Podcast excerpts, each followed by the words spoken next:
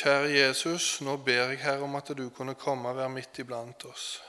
Nå ber vi om at vi kunne få ei stille stund ved dine føtter der du fikk tale til oss. Så må du gi meg det jeg trenger, Herre. Må du styre tanker og, og tunge.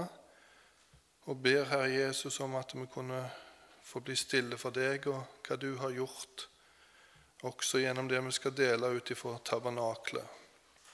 Vi legger stunden i din hånd, Herre Jesus. Amen. Tabernaklia. Det har vi sikkert lest mange ganger om i eh, Det gamle testamentet. Det var jo dette gudshuset som, som eh, jødefolket, israelsfolket, fikk beskjed om å bygge mens de var ute i ørkenen.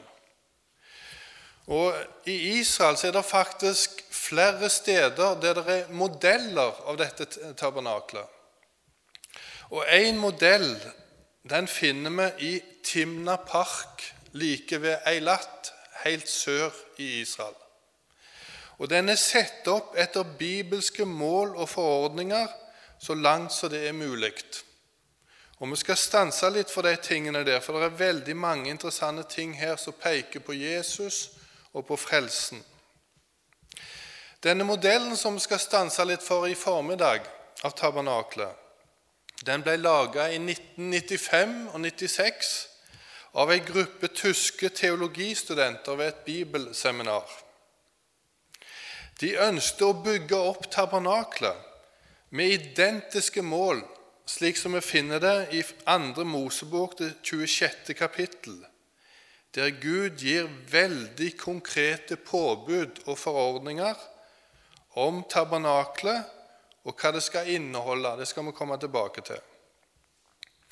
Og Etter at denne modellen hadde vært på turné rundt i en del europeiske land, så ble han plassert her i Timna Park i, Israel i 1998.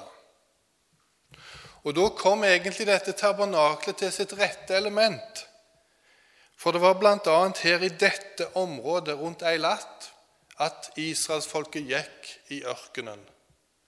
Vi vet at det gikk hele 40 år i ørkenen før de fikk slippe inn i det lova land. Det første vi skal stanse litt for, det er hva slags byggematerialer som arken eller tabernaklet er lagd av. Og I 2. Mosebok 26, 15 så sa Gud det ganske klart plankene til tabernaklet skal du lage av akasietre, står det. Og det er ikke tilfeldig at tabernaklet er lagd av akasietre. For i ørkenen, i dette området, så er dette det eneste treslaget som blir så stort at det kan benyttes til materiale. Og akasietrærne har faktisk røtter som kan være 20 meter lange slik at de når helt ned i grunnvannet. Og Da skal vi få opp et bilde på skjermen. Der er vi på plass, ja. Nå er vi i Timna Park, en liten halvtimes kjøring ut forbi Eilat. Og Her ser vi forgården, da, som er etter de bibelske målene. 50 alen brei og 100 alen lang. Når en alen er litt over en halv meter, så vil jeg si at forgården den er omkring 25 ganger 50 meter. Så skal vi gå litt nærmere og se på selve tabernaklet. Det er 5 meter bredt og 15 meter langt, og det består av to rom, det hellige og det aller helligste. I stedet for gull, sølv og kobber er det på modellen her benytta ulike farger som likner på disse nevnte metallene.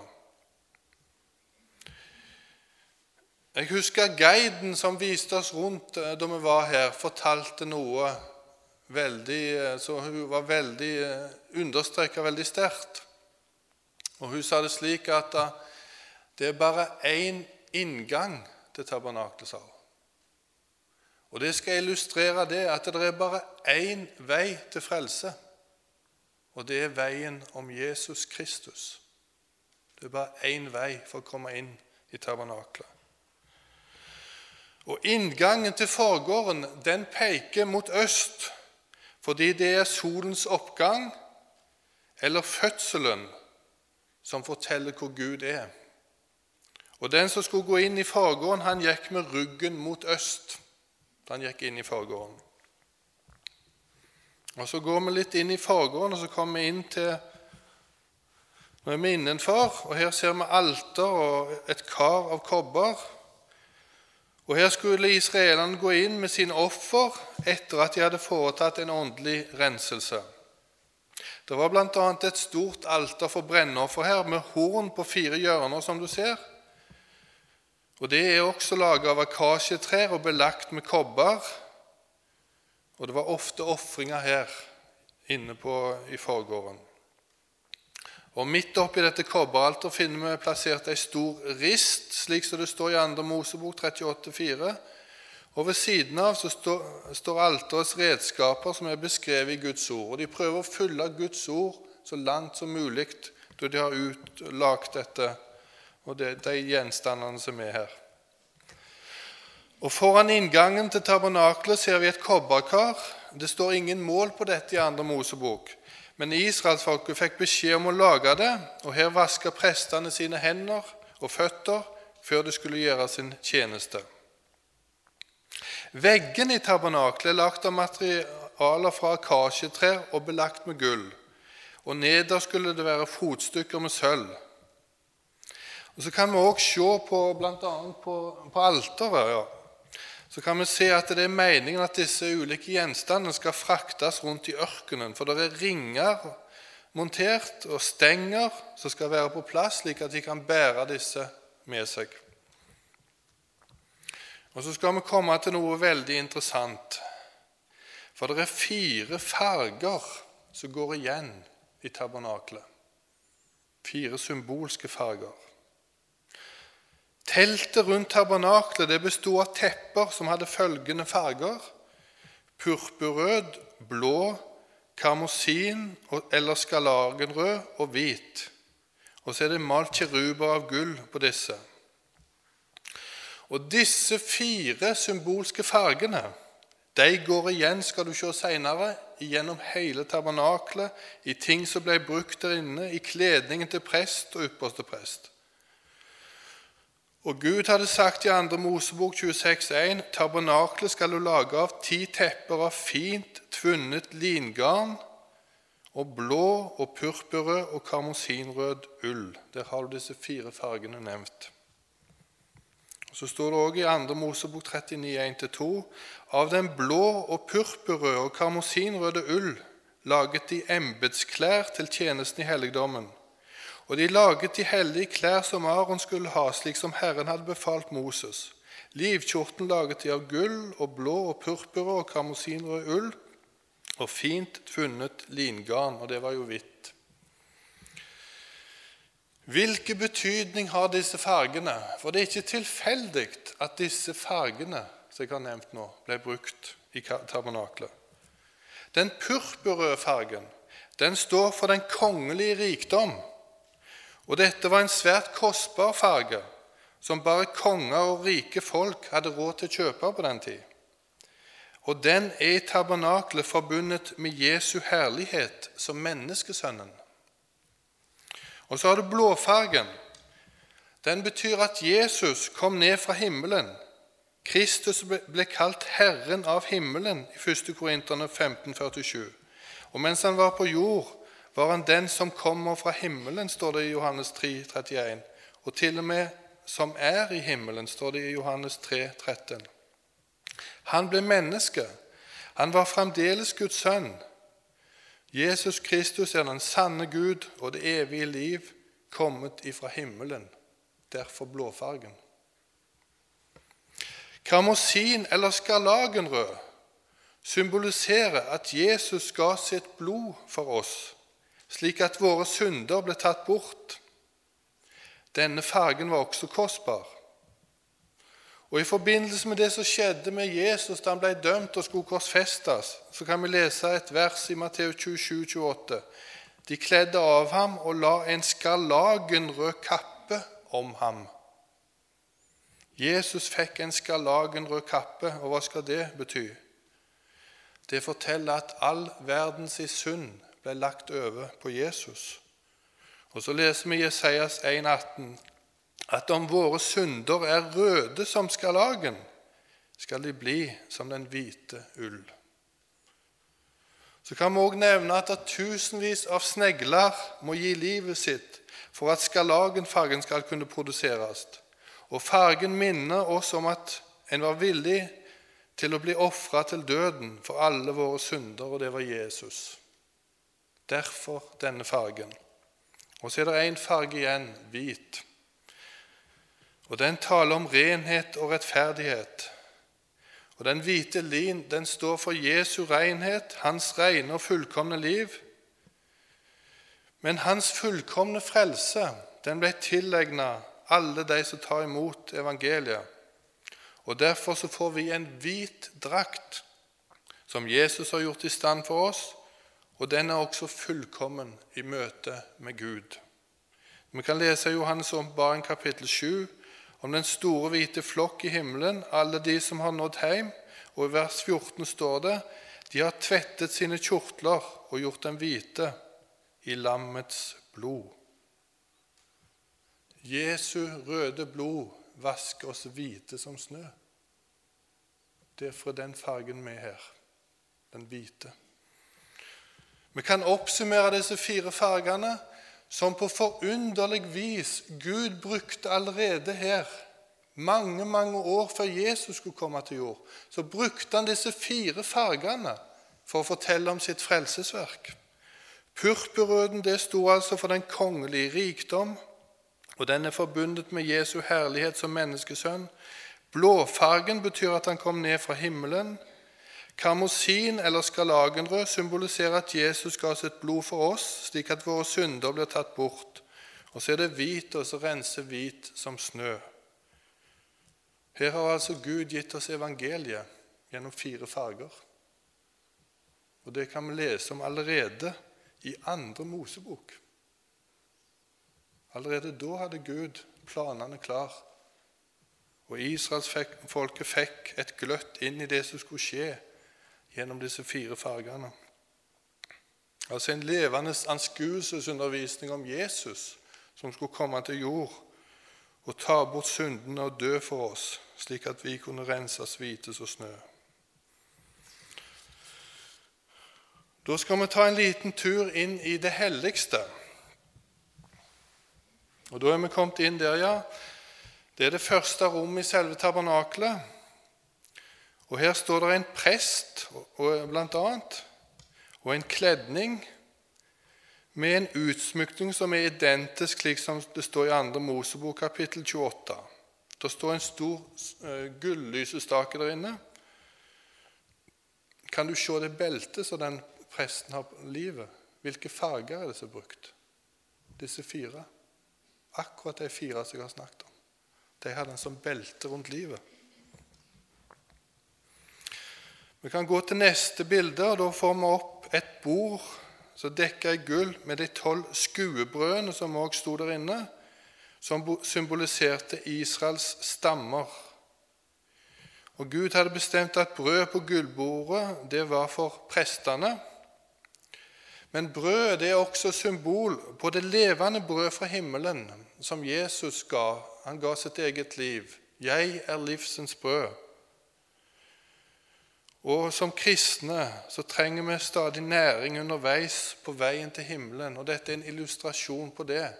Vi må ha mat for vår sjel om vi skal nå hjem til himmelen. Du tar vel til deg mat ifra Guds ord. I tillegg så er det et røkelsesalter av gull her inne, der velluktende røkelse blir brent, og den behagelige duften steg opp til Gud. Det er meningen at jeg og du som frelste mennesker skal være med og bære med oss Jesu vellukt der vi ferdes, et, som et vitnesbyrd om vår Frelser.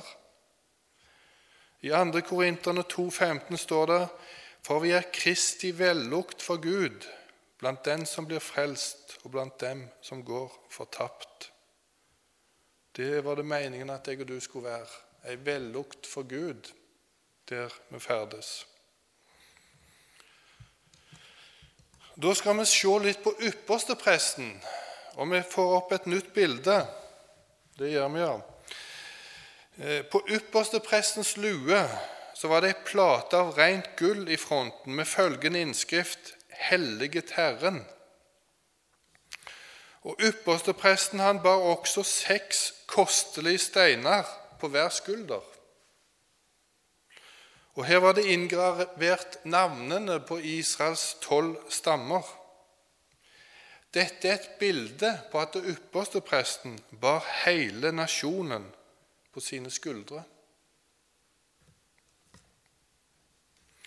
Så kan vi se på brystduken at den er firkanta og består av fire symbolske farger, som har vært inne på, brodert med gulltråder.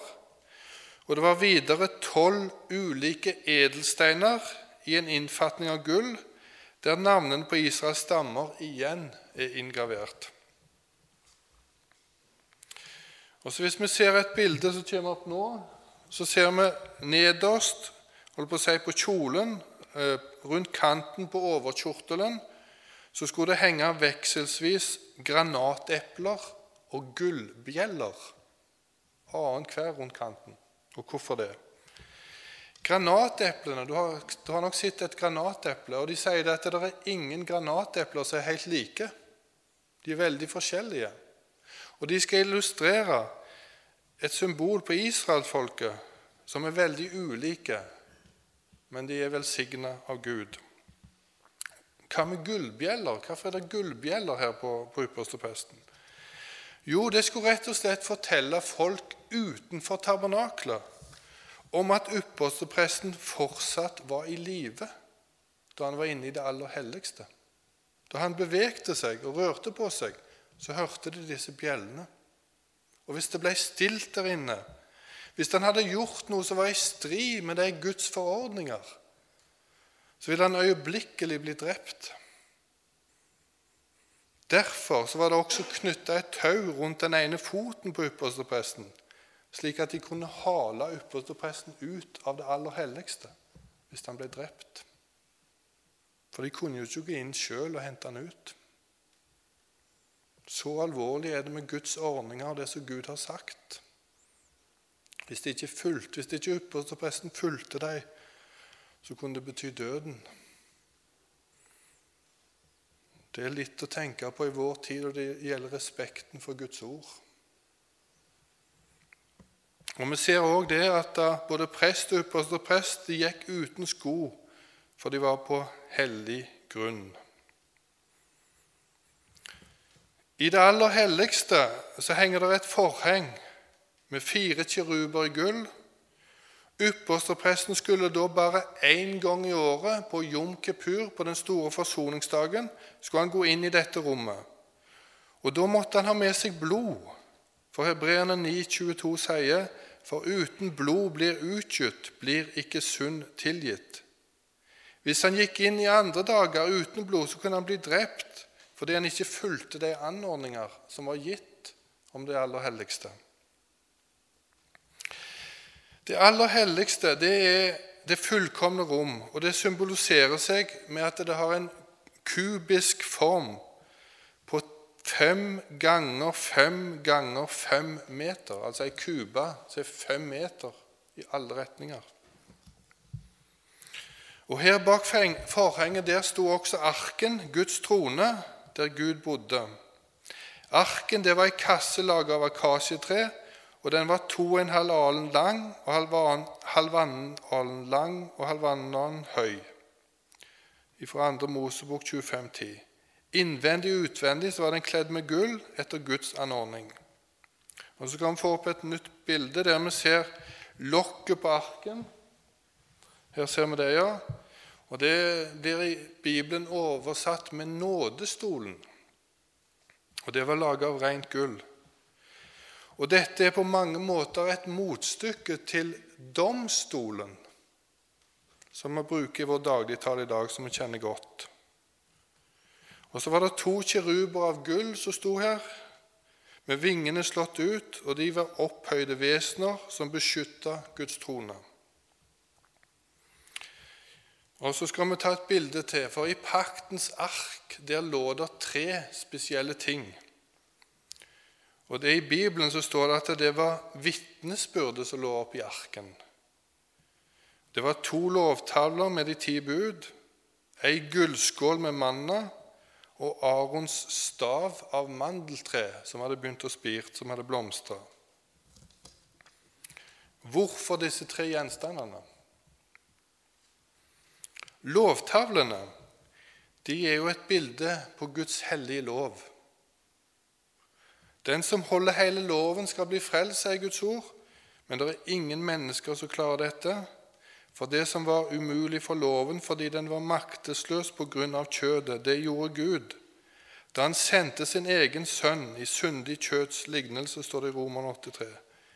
Jesus han oppfylte loven i stedet for meg og deg.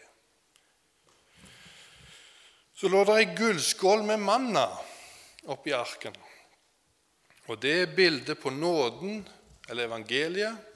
For vi vet jo at da israelsfolket vandra rundt i ørkenen, så fikk de hver dag manna på sin vandring. Og Det er på en måte som et bilde på nåden er for oss fra dag til dag på vandringen hjemover mot himmelen. Så får vi ny nåde hver dag, så sant som vi er villige til å komme til Jesus med alle våre synder. Og Så er det den siste tingen, da, dette med Arons stav som hadde blomstra. Hva er det et bilde på? For det første eh, så skal vi være klar over det at Aron han ble valgt til den første ypperste prest. Og Hebrebrevet skildrer han faktisk som et forbilde på Jesus som ypperste prest i den nye pakt. Så egentlig er dette et bilde på Jesus, dette som ligger her, denne staven. Arons stav har blomstra. Og hvorfor han blomstra? Det står et veldig fin, en profeti om Messias i Salme 72, 17. Hans navn skal bli til evig tid. Så lenge solen skinner, skal hans navn skyte friske skudd. De skal velsigne seg ved ham, og alle hedninger skal prise ham salig. Og så skal jeg og du òg få være blant de hedningene som priser ham salig. Alle som har funnet fram til Jesus gjennom årtiene, ja, det er en måte ei spiring. Det er blomstring ut ifra Jesus og det som han har gjort. Og Derfor er det et spirende stav som ligger her oppe i arken. Og så er det jo gripende å stå inne i det aller helligste her, i denne, dette som er lagd her i Timna Park. Og så tenke på det at i dag så er jeg frelst. Så slipper jeg lenger å, å være utenfor det aller helligste, slik som israelsfolket måtte. For da Jesus døde på korset, så står det at forhenget i tempelet revna i to, øverst fra nederst mellom det hellige og det aller helligste rommet. Og det fortalte én ting. Det fortalte at etter Jesu verk så var den veien inn til det aller helligste åpna. Det var ikke lenger noe skille der. Men hvem som helst kunne komme inn i det aller helligste. Jesus hadde gått i døden for oss. Han hadde tatt bort syndene som stengte mellom oss og Gud. Forhenget er borte i dag på grunn av Jesu verk. For vi har ikke en ypperste prest som ikke kan ha medlidenhet med oss i vår svakhet, men en som er prøvet i alt i likhet med oss, men uten synd. La oss derfor med frimodighet tre fram for nådens trone, for at vi kan få miskunn og finne nåde til hjelp i rette tid, står det i Hebreerne 4,15. Ja, la oss stadig få lov å gå den veien og finne nåde til hjelp i rette tid. Kjære Jesus, jeg takker deg for alt det du har gjort for oss da du kom til jord og tok bort alle våre synder, døde på korset for oss og åpna veien inn til den tre ganger hellige Gud. Vi priser ditt navn for det, Jesus. Og Så ber vi, Herre, om at din frelse alltid må være det kjæreste meg i vårt kristenliv. Det som du har gjort, Herre Jesus, det er det vi skal sette vår lit til. Og vil du hjelpe oss til å gjøre det dag for dag, Herre, helt til vi når hjem til himmelen. Amen.